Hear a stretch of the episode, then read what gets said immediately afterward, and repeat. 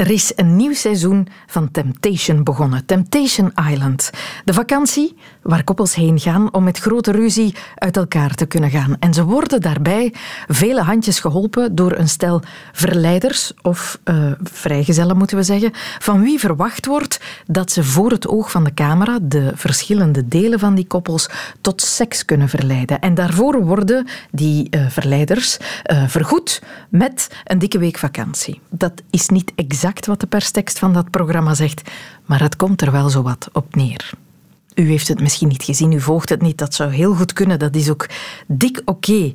Het lijkt ook dat de pret stilletjes aan van dat programma aan het glijden is. In de loop der jaren is de kritiek op het programma alleen maar toegenomen, want hoe kosher is dat eigenlijk? Hè? Mensen hun emoties gaan uitbuiten om televisie te kunnen maken, om reclame te verkopen. En wie wil dat vandaag nog zien? Mensen die duidelijk gemanipuleerd worden om hun emoties te tonen, die zat gevoerd worden om te zien hoe scheef ze daarna zullen gaan. Ooit waren dat soort echte, en ik ben aanhalingstekens aan het maken, emoties misschien spannend op televisie. Nu ja, is dat toch vooral een beetje vies, een beetje gênant om te zien. Maar weet je wat mij altijd het meest verbaasd en gestoord heeft? En ik kan het weten, ik heb ooit eens een volledige reeks een aantal jaren geleden van begin tot einde gevolgd. Dat is eigenlijk de basisopdracht van dat spel. Probeer tien dagen, hoe lang is het? Uh, twee weken. Probeer die tijd je vaste partner niet te bedriegen met een ander. Dat lijkt mij nu helemaal niet zo moeilijk tien dagen niet op een ander kruipen, vind ik qua opdracht eigenlijk best gemakkelijk. Ik voel de uitdaging niet bepaald. En men gaat het dan de deelnemers moeilijk maken uh, door voor verleiding te zorgen. Vandaar de titel van het programma. En wat is dat dan? Dat zijn blinkende, gladde, schaars geklede lijven die je wat naar de mond komen praten, die jou niet uitkiezen omdat je hun type bent, maar omdat het moet van de productie. Anders worden ze naar huis gestuurd. En die ook hele dagen woep woep staan te doen in een bar op cheape muziek. Daar stoor ik mij aan.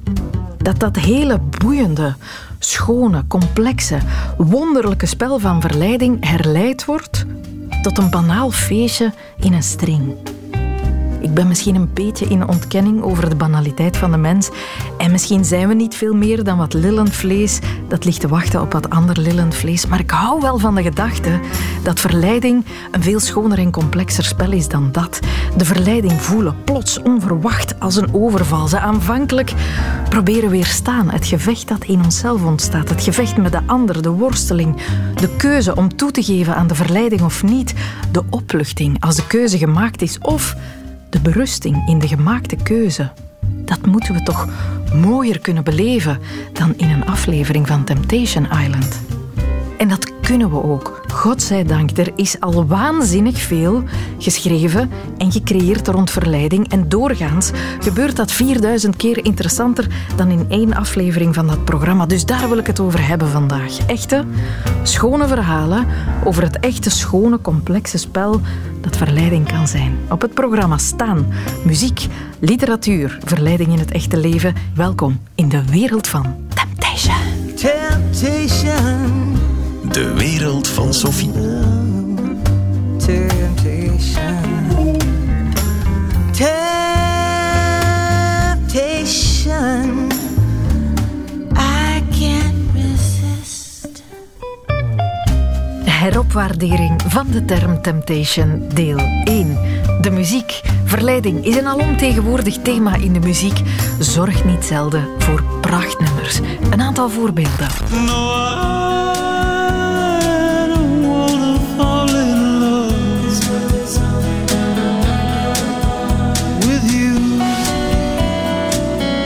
Chris Isaac, een topvoorbeeld is dat. Wicked Game. Hij zegt het al helemaal aan het begin van het lied. It's strange what desire will make foolish people do. En hij verwijt de vrouw over wie hij zingt dat ze stout is, ondeugend. Want ze doet hem van haar dromen. What a wicked thing to do, to make me dream of you. Duidelijk een ik-persoon in de grip van de verleiding. Een ongelooflijk sterk nummer is dat, met een zeer, zeer iconische video Misschien herinnert u zich die wel nog. Hij rollenbollend op het strand in Hawaii met topmodel Helena Christensen. Een clip die in de jaren 90 ongetwijfeld ook voor heel wat temptation heeft gezorgd bij de jongens die die clip zagen. To dream of caramel, to think of cinnamon and long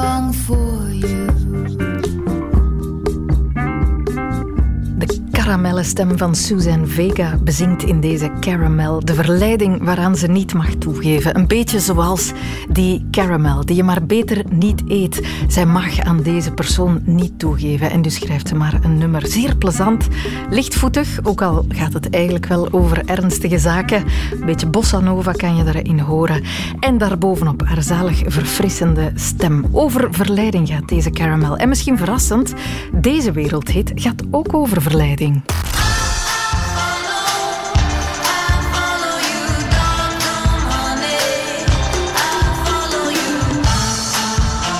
Een mega-hit I Follow Rivers van de Zweedse Luckily gaat ook over temptation en wat het met je kan doen. Dat verklaarde de zangeres, de muzikante ooit aan uh, muziekmagazine Enemy. Hoe verleiding je in een soort destructieve fase kan krijgen. Je zeer uit balans kan brengen. Een fase waarin je, zo omschrijft ze het zelf, alleen gedreven wordt door je verlangens. En dat dat je op die manier ook recht de dieperik in kan leiden. In de handen van drugs of een heel foute liefde. Alsof je helemaal machteloos staat eens de verleiding toeslaat. I Follow You, Deep Sea Baby. En dan is er deze klassieker.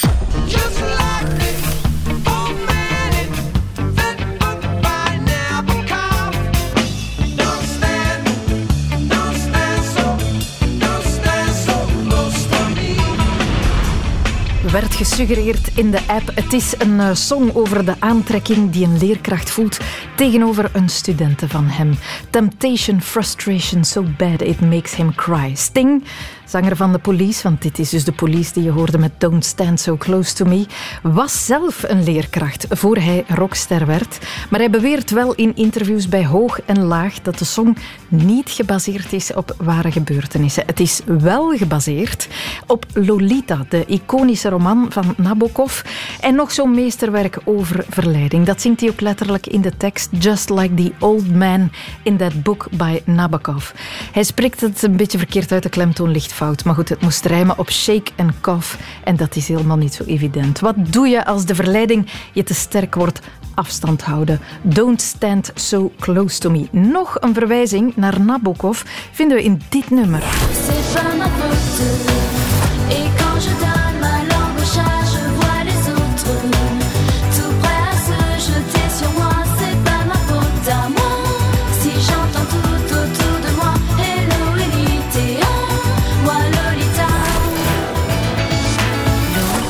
Je deze nog? Alizé. 21 jaar oud is het nummer al. Het is de debuutsingle van de Franse Alizé die in de videoclip... En dat waren dus inderdaad nog de tijden waarin we de videoclips van nummers kenden. Je ziet haar daarin achtervolgd worden door een man die duidelijk interesse heeft in deze Lolita. Want ze zingt dat zij Lolita is. Helaas voor de man blijft het in de clip bij Temptation en komt het niet tot consummation. En dan... We kunnen niet om deze heen. No.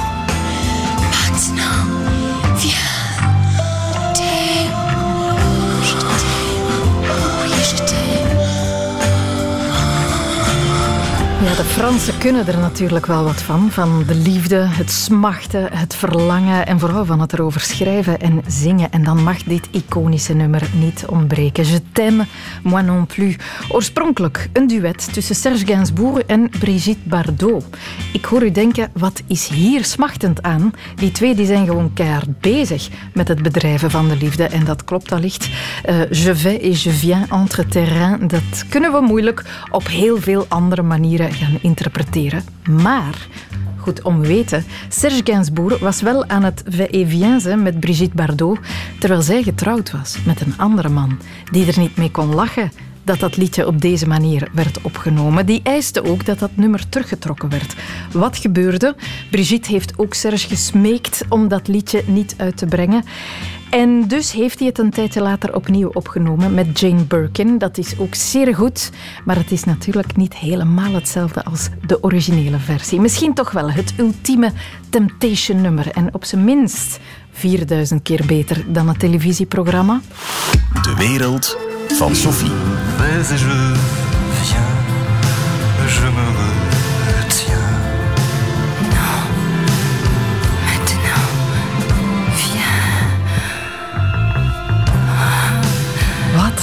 Hitsig nummer is dat toch? Je t'aime, moi non plus, Serge Gainsbourg en Brigitte Bardot. Audioporno zou ik het noemen. Zij omschreven het in der tijd als audio verité. Over naar heropwaardering van de term temptation, deel 2.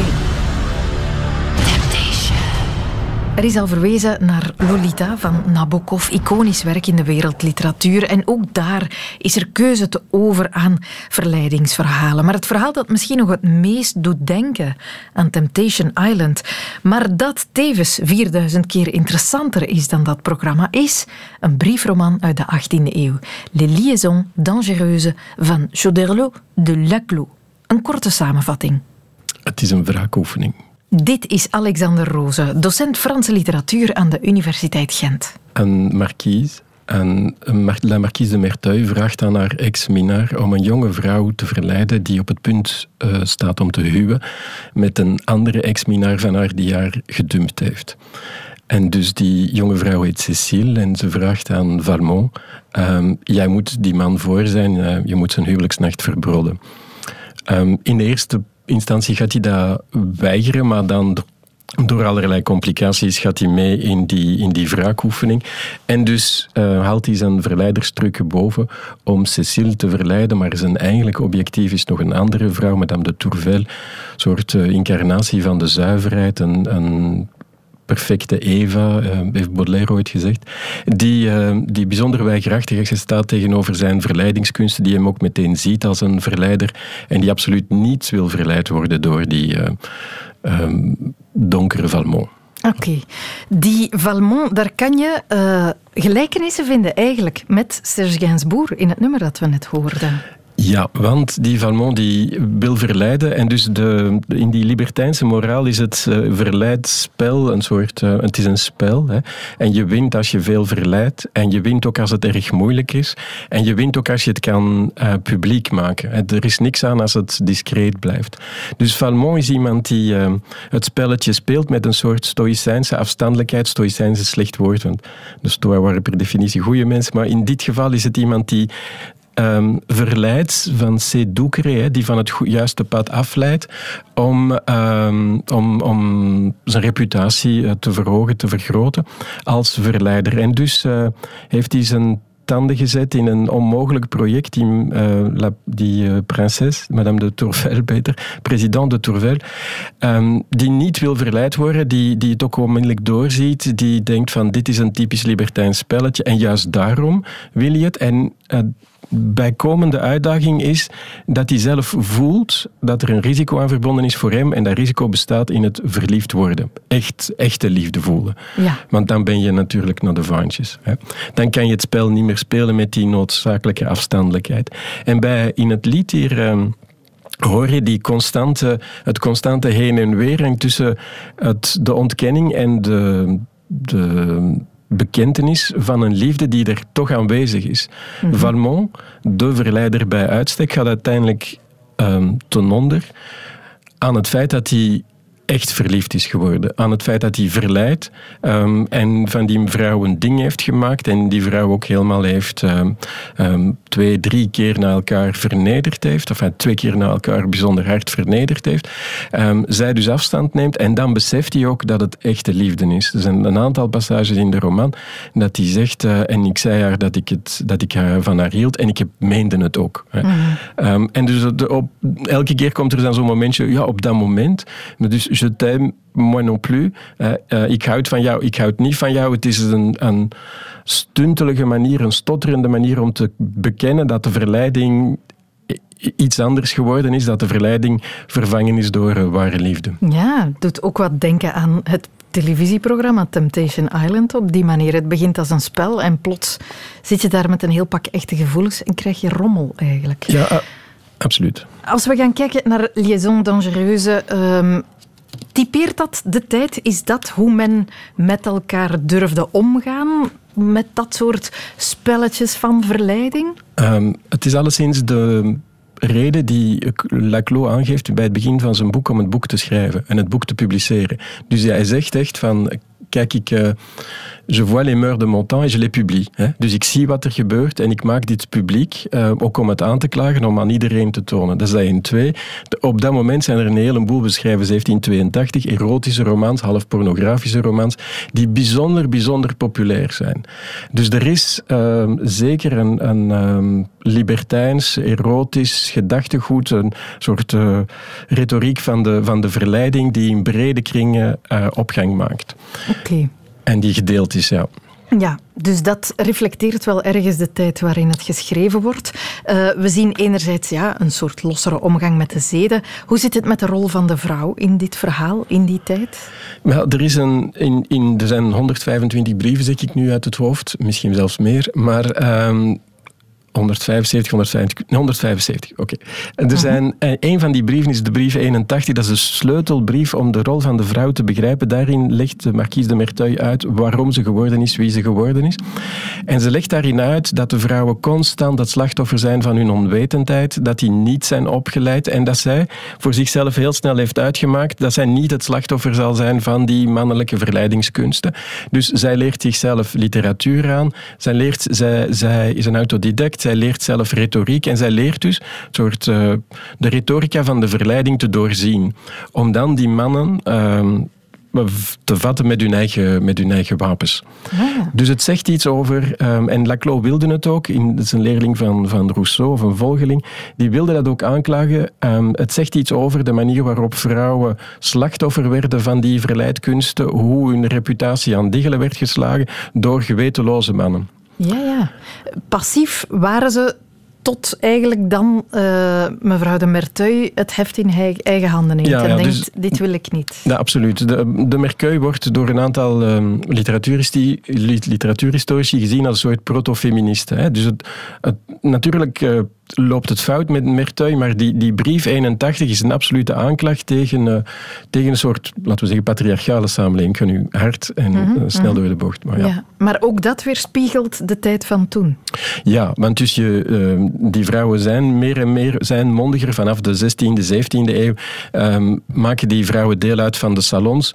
Um, hebben de mannen niet meer uh, die het soort voorrecht, letterlijk privilege dat ze daarvoor hadden, waarbij ze ongeveer alles konden doen wat ze wilden omdat ze door geweld, met geweld hun wil konden opleggen aan de wereld en aan de vrouwen. Vanaf, vanaf de 16e eeuw, vanaf een systeem, vanaf een periode die we de la galanterie noemen, werd het belangrijk voor die mannen, voor de adel, om te verleiden. En je verleidt niet meer vanaf de 16e, 17e eeuw vooral door, uh, door je krijgskunsten, maar je verleidt door je verfijning, door de manier waarop je mensen aanspreekt, door de manier waarop je verschijnt in een samenleving, door je manier van dansen, je manier van, van zijn. En dus mannen verfijnen, vrouwen verfijnen in die cultuur, hè, um, ontstaat eerst die galanterie en dan die libertijnse um, zeden. Ja, een spoiler alert voor wie het boek nog wenst te lezen um, en nog nooit eerder las. Ik ga even springen naar het einde, dus oren toe als je uh, van plan was om het straks ter hand te nemen. Het verhaal eindigt zowel voor Vicomte de Valmont als voor Marquise Merteuil vrij slecht, kunnen we zeggen. Uh, moeten we daar een soort veroordeling in lezen van de auteur? Men zal niet spelen met verleiding en elkanders gevoelens? Uh, ja en nee. Het, ja, dus het ontegensprekelijk geeft hij aan dat het, de verleidingskunsten en, en het gratuite verleiden, dat zoiets ontspoort. Nu, het, het foute einde zie je ook bij In Phèdre van Racine of in Don Juan van Molière, waar het ook over verleiden gaat, is ook een manier om um, die libertijnse um, praktijken, om die te publiceren, om die uh, gedrukt te krijgen. He, op, uiteindelijk, heren van de censuur, wordt de verleider, worden deze, worden deze praktijken zwaar veroordeeld. Mm -hmm. We moeten misschien niet denken dat auteurs altijd tot veel bedoelingen hebben Nee, nee. En bovendien, het, bijvoorbeeld ook Fedre van Racine, de charme. Het is heel duidelijk dat het publiek Uh, waarom vindt het publiek Fedre van Racine zo mooi en waarom vinden wij dit boek zo mooi? Ja, omdat we voor een deel meegaan in de verlangens en de verleidingskunsten van. Mm Het einde nemen erbij. Ja. De roman is uh, in briefvorm. Um, 175, zoals u net zei. Uh, is dat een goede keuze van de auteur? Is dat de beste manier om dit verhaal te vertellen? Ja, dat is prachtig. Hè. Dat is prachtig omdat, omdat je dus de vele stemmen hebt en dus elke keer de, de andere inval zoeken. Omdat je ook ziet hoe iedereen een andere stem heeft en een andere retoriek heeft en een andere manier van redeneren en hoe die redenering... Want dus dat is verleiden um, is naar, naar uh, gevoelens gebracht wat de retoriek doet, overtuigen. Hè. Je moet iemand ergens toe brengen. En dus uh, alle technieken van, van de retoriek worden hier nu uh, toegepast en, en dat zie je bij uitstek in deze brieven. Bovendien, heel vaak in de brieven van Valmont, vertelt hij ook nog wat hij verteld heeft, hoe hij die dingen gezegd heeft, wat de repliek was. Dus het is een boek dat een soort uh, feest is van het woord en uh, aantoont hoe je met woorden mensen kan verleiden. Ja, het is ondertussen een aantal keren verfilmd, uh, onder meer in de jaren tachtig nog zeker, met John Malkovich en Glenn Close als hoofdpersonages. heb je die gezien, die film? Ja, en daarvoor trouwens ook door de, de, de ex-man van Brigitte Bardot, Roger Vadim, die het helemaal naar de jaren zestig heeft gebracht, het verhaal. Ah, ja, ja. En later ook nog eens, waar men een transpositie heeft naar de jaren tachtig of negentig, denk ik, in New York. En ja, natuurlijk heb ik die gezien. Die zijn... Uh, die Glenn Close, ik weet nog dat Glenn Close, John Malkovich en uh, u vergeet Michelle Pfeiffer, maar ik niet. Ja. ja. Dus ja, um, die zijn wonderbaarlijk goed. Um, maar ik ben een literatuurwetenschapper en nooit is, het boek, uh, nooit is de film zo goed als het boek. Nooit? Nee, maar die, in dit geval is het, het komt het dichtbij, maar tegelijkertijd, ja...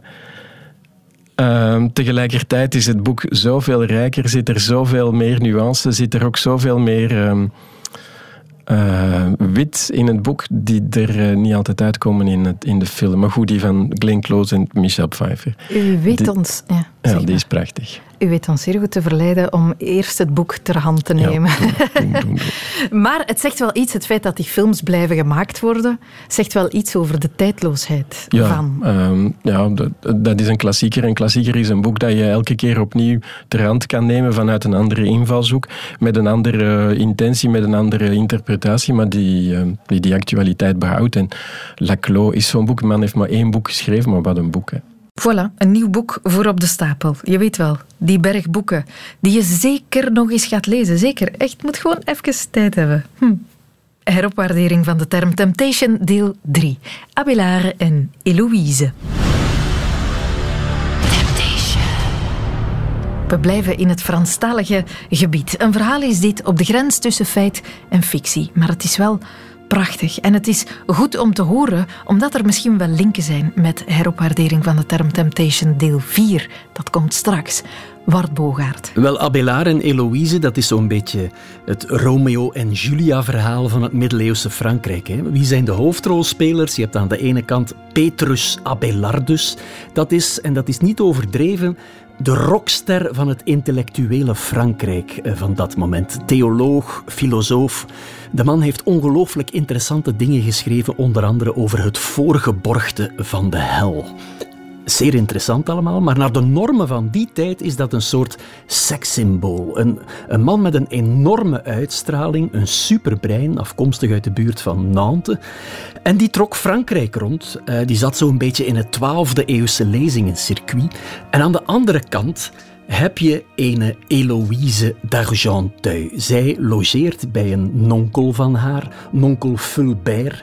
En op een dag is Abelard op bezoek in Parijs om een lezing te geven. En die Fulbert vraagt aan Abelard, de beroemde geleerde, om wat bijles te geven aan zijn nichtje. Hij geraakt gecharmeerd door Eloïse. Het is ook omgekeerd. Ik moet daar geen tekeningetje bij maken. En ze beginnen een geheime affaire. Dat begint als een leraar-leerling relatie. Er is ongeveer twintig jaar verschil tussen de beiden.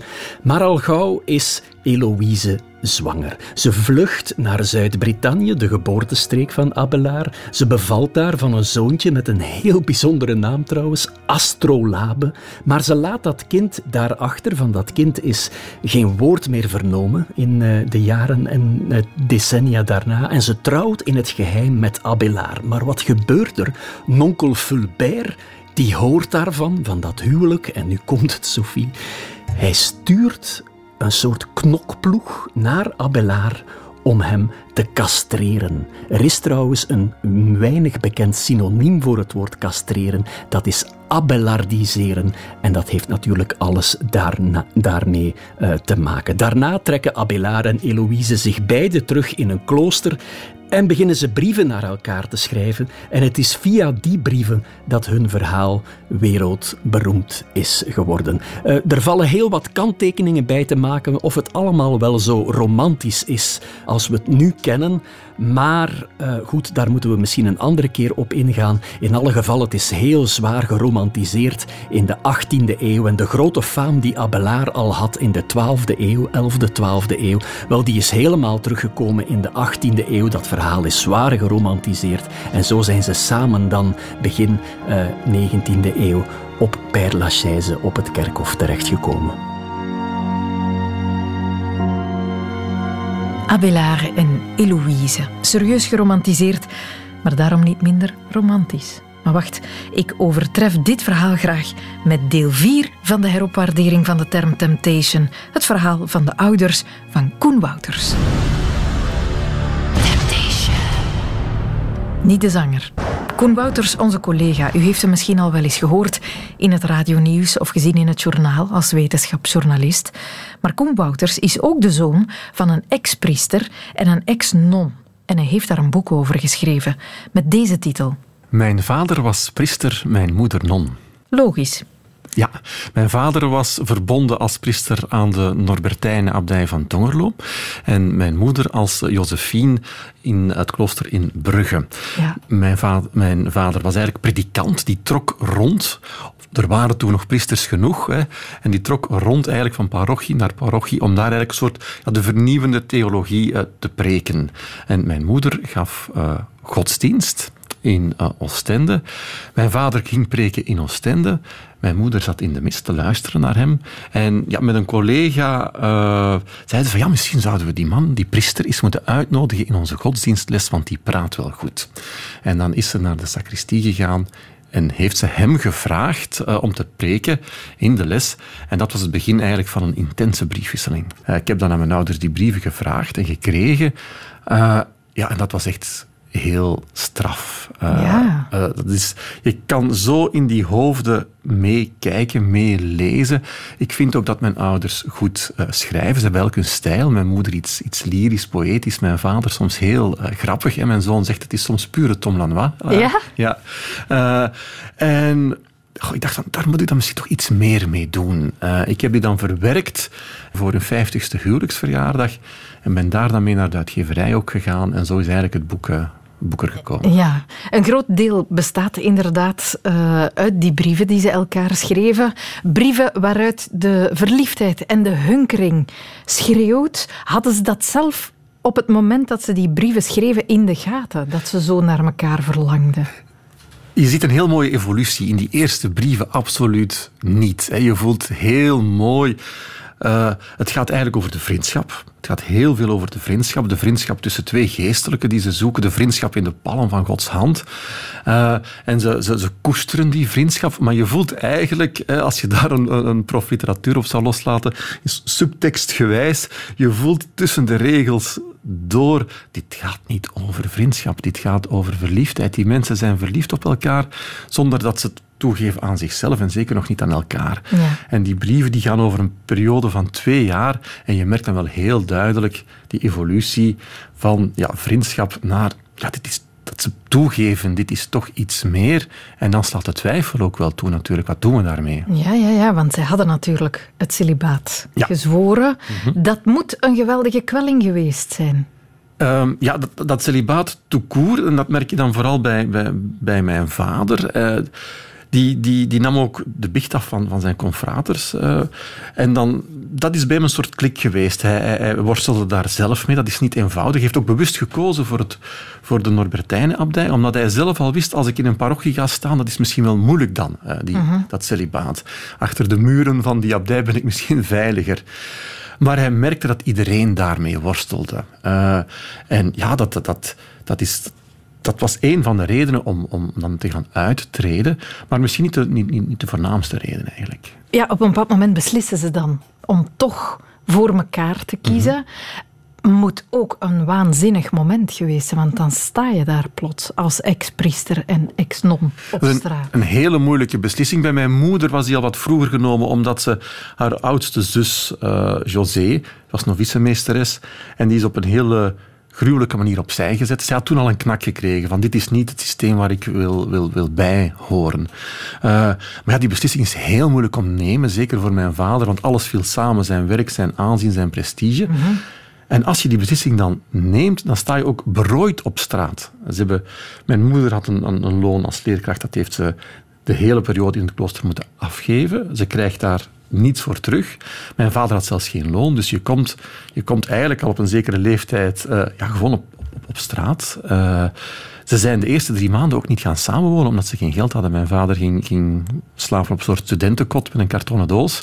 Hmm. En mijn moeder ging slapen bij een vriendin. Ze hebben dan werk gezocht en pas na een paar maanden hadden ze genoeg gespaard om iets te kunnen gaan huren samen. Ja, dat moet zo bijzonder zijn om als kind zo in het verleden van je ouders te duiken. Ook om die, hun diepste gevoelens te lezen. Hoe heb jij dat ervaren? Het is, het is heel uh, intiem natuurlijk, maar het is wel heel mooi. Hè. Het is, ik voelde het... Ja, ik voelde me geen vailleur eigenlijk, want ik, ik krijg die vraag soms van, was het niet... Nee, ik, ik heb er enorm van genoten. Mhm. Wat ik bij mijn ouders nu wel merk natuurlijk, het is nu komen we daarmee naar buiten. Dat is natuurlijk nog een andere stap. En dat is bij hen natuurlijk wel wat met gemengde gevoelens. Want ze hebben die brieven 50, meer dan 50 jaar geleden niet geschreven met de bedoeling dat die in een boek kwamen. Nee. Uh, we hebben daar wel goed over overlegd. We zijn daar nog over aan het overleggen. Maar je voelt wel van, oei, ja, uh, maar ik vind het zo mooi. Uh, en het is een beetje een, een, een, Ik zie het een beetje als een eerbetoon aan hun, aan hun liefde. Je wilt die brieven toch echt horen, hè? Dat begrijp ik. En de hoofdpersonages, hè? Het zal wel. Anne Roodveld zocht hen op, Anne en Herman, het gelukkige echtpaar dat eigenlijk nooit had mogen bestaan.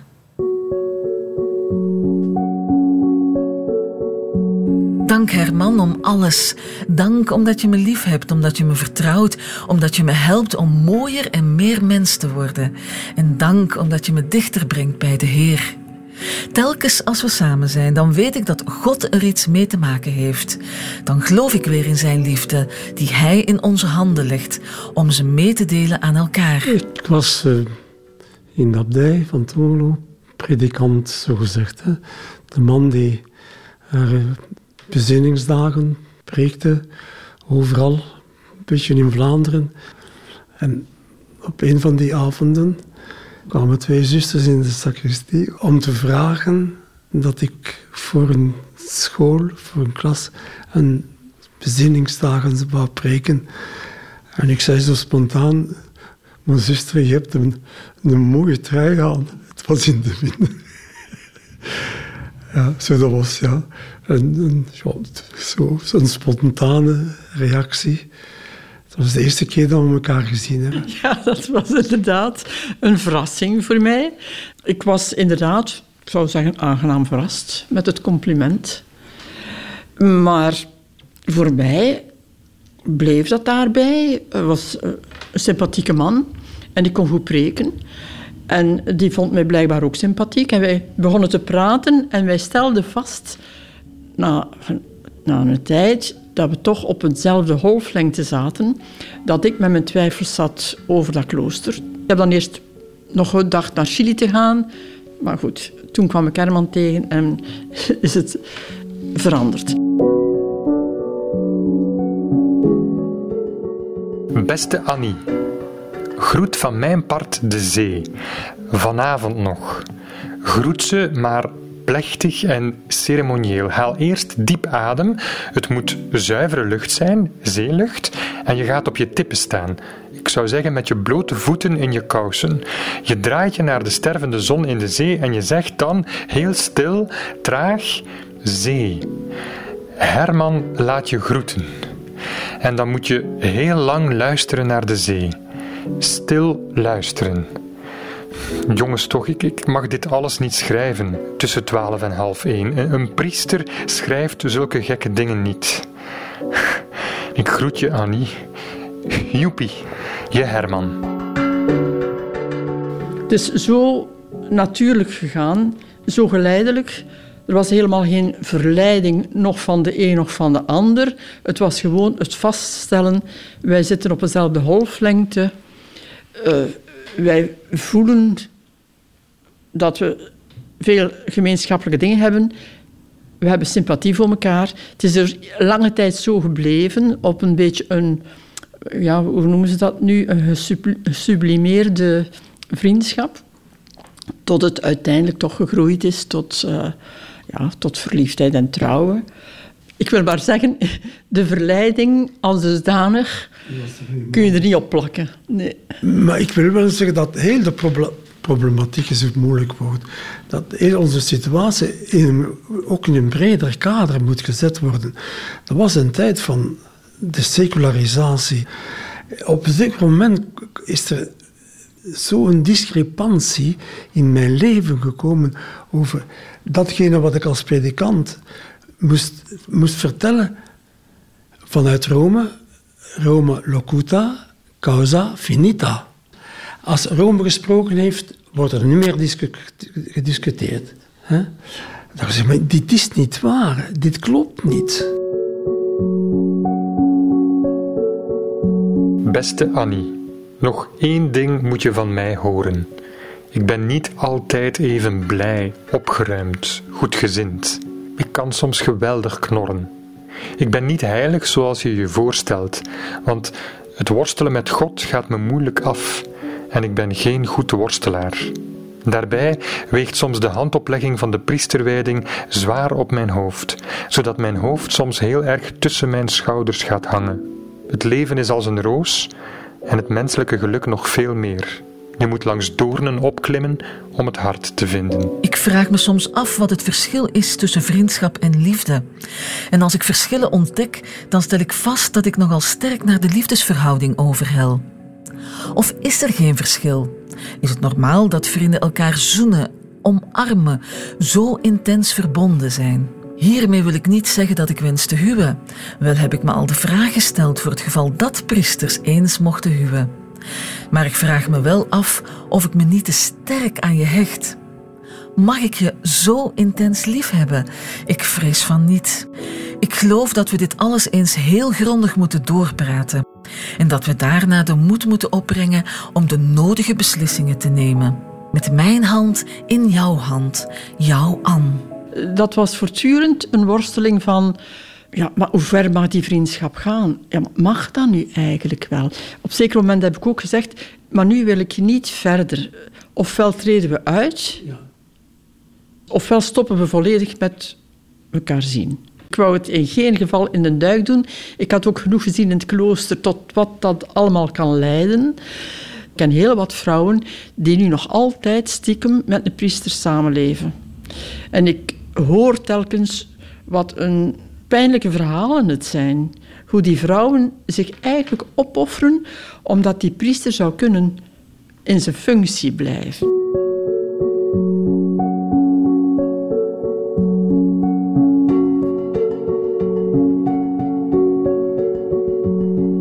Onze God zegt: Je hebt je woord gegeven. Je mag An niet zien, je mag dit niet en je mag dat niet. Je moet iedereen lief hebben. Iedereen, behalve An. Want daar sta ik niet achter, dan ben je ontrouw. Je mag wel met een meid naar bed gaan en daarna ga je in een hokje wat biechten, ben je de verloren zoon en ik de goede vader, maar je krijgt vergiffenis. En je mag weer naar die meid toe gaan en dan kom je maar weer naar het hokje toe. Maar dan ben je tenminste trouw en eerlijk aan je roeping. Maar als je Anne lief hebt, ben je ontrouw. Anne, vergeef me die laatste regels, wellicht zijn ze godslasterlijk. Maar in Gods naam, welke God is hier aan het liegen? Nu weet je wat er doorheen mijn hoofd schiet deze dagen. Ik zoen je, hartelijk, en neem je hoofd tussen mijn vingers. Je Herman. Het is allemaal zo geleidelijk gegroeid dat ik daar nu datum niet gaan opplakken. Maar dat zal toch in het laatste jaar geweest zijn. In het laatste jaar dat we al beslist hadden om uit te treden. Elkaar vastpakken, maar seksueel echt, dat niet. Hè. Dat is pas uh, in de studio, of, of nog later, ik weet het. Klopt. ik zou niet weten waar. Ah ja, we waren toch in het huis van, van Marcel en Frida. En ik ben eens in Tongerlo geweest, waar ik ook ben blijven slapen. En ik denk dat daar de eerste keer geweest is. Ah, ik kan, sorry, maar ik kan, me ik kan me dat niet herinneren. Hè. Dat, is, dat is weg. Wij konden elkaar nooit ontmoeten in een... In een rustig, rustig zijn, hè? In het Fiatje. Uh, in het Fiatje, maar ik weet niet meer juist in welk jaar dat geweest is. Was dat in, in 68? In dat Fiatje. Dat, was toch wel ook oh, heel uitzonderlijk. We hadden pech, hè? Voor één keer dat we in dat Fiatje zo een beetje aan het zoenen waren. En dat was het, dat was alles, hè? Komt daar toch een politieagent op af. Nu, Herman had veel meer ervaring al dan ik, hè? op het vlak van seksualiteit, hè? met toch al die een ervaring gehad ervoor.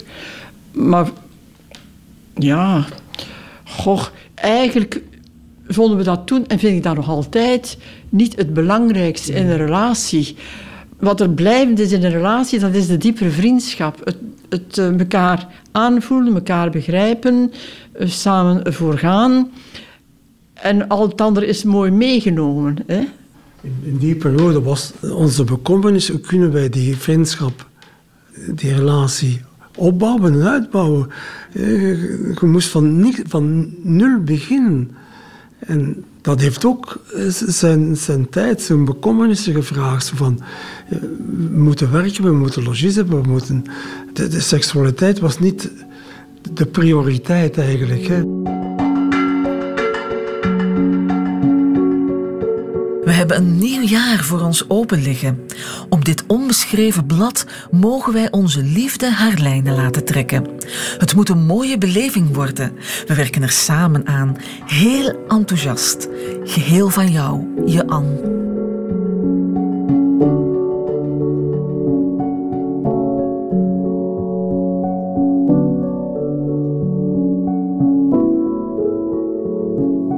Dat is temptation, hè?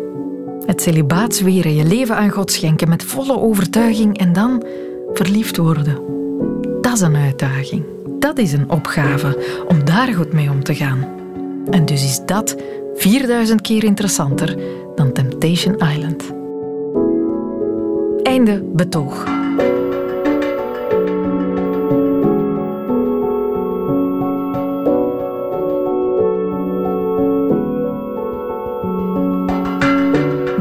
De wereld van Sophie over Temptation. En dit is ook het moment waarop ik u graag verleid tot het abonneren op deze podcast of tot het luisteren naar ons radioprogramma. Elke weekdag hoor je ons tussen 10 uur en 12 uur op Radio 1. Dus, baby, tot gauw. Dit was een podcast van Radio 1. Ontdek nog meer podcasts van Radio 1 in onze app en op radio1.be. Radio 1. Altijd benieuwd.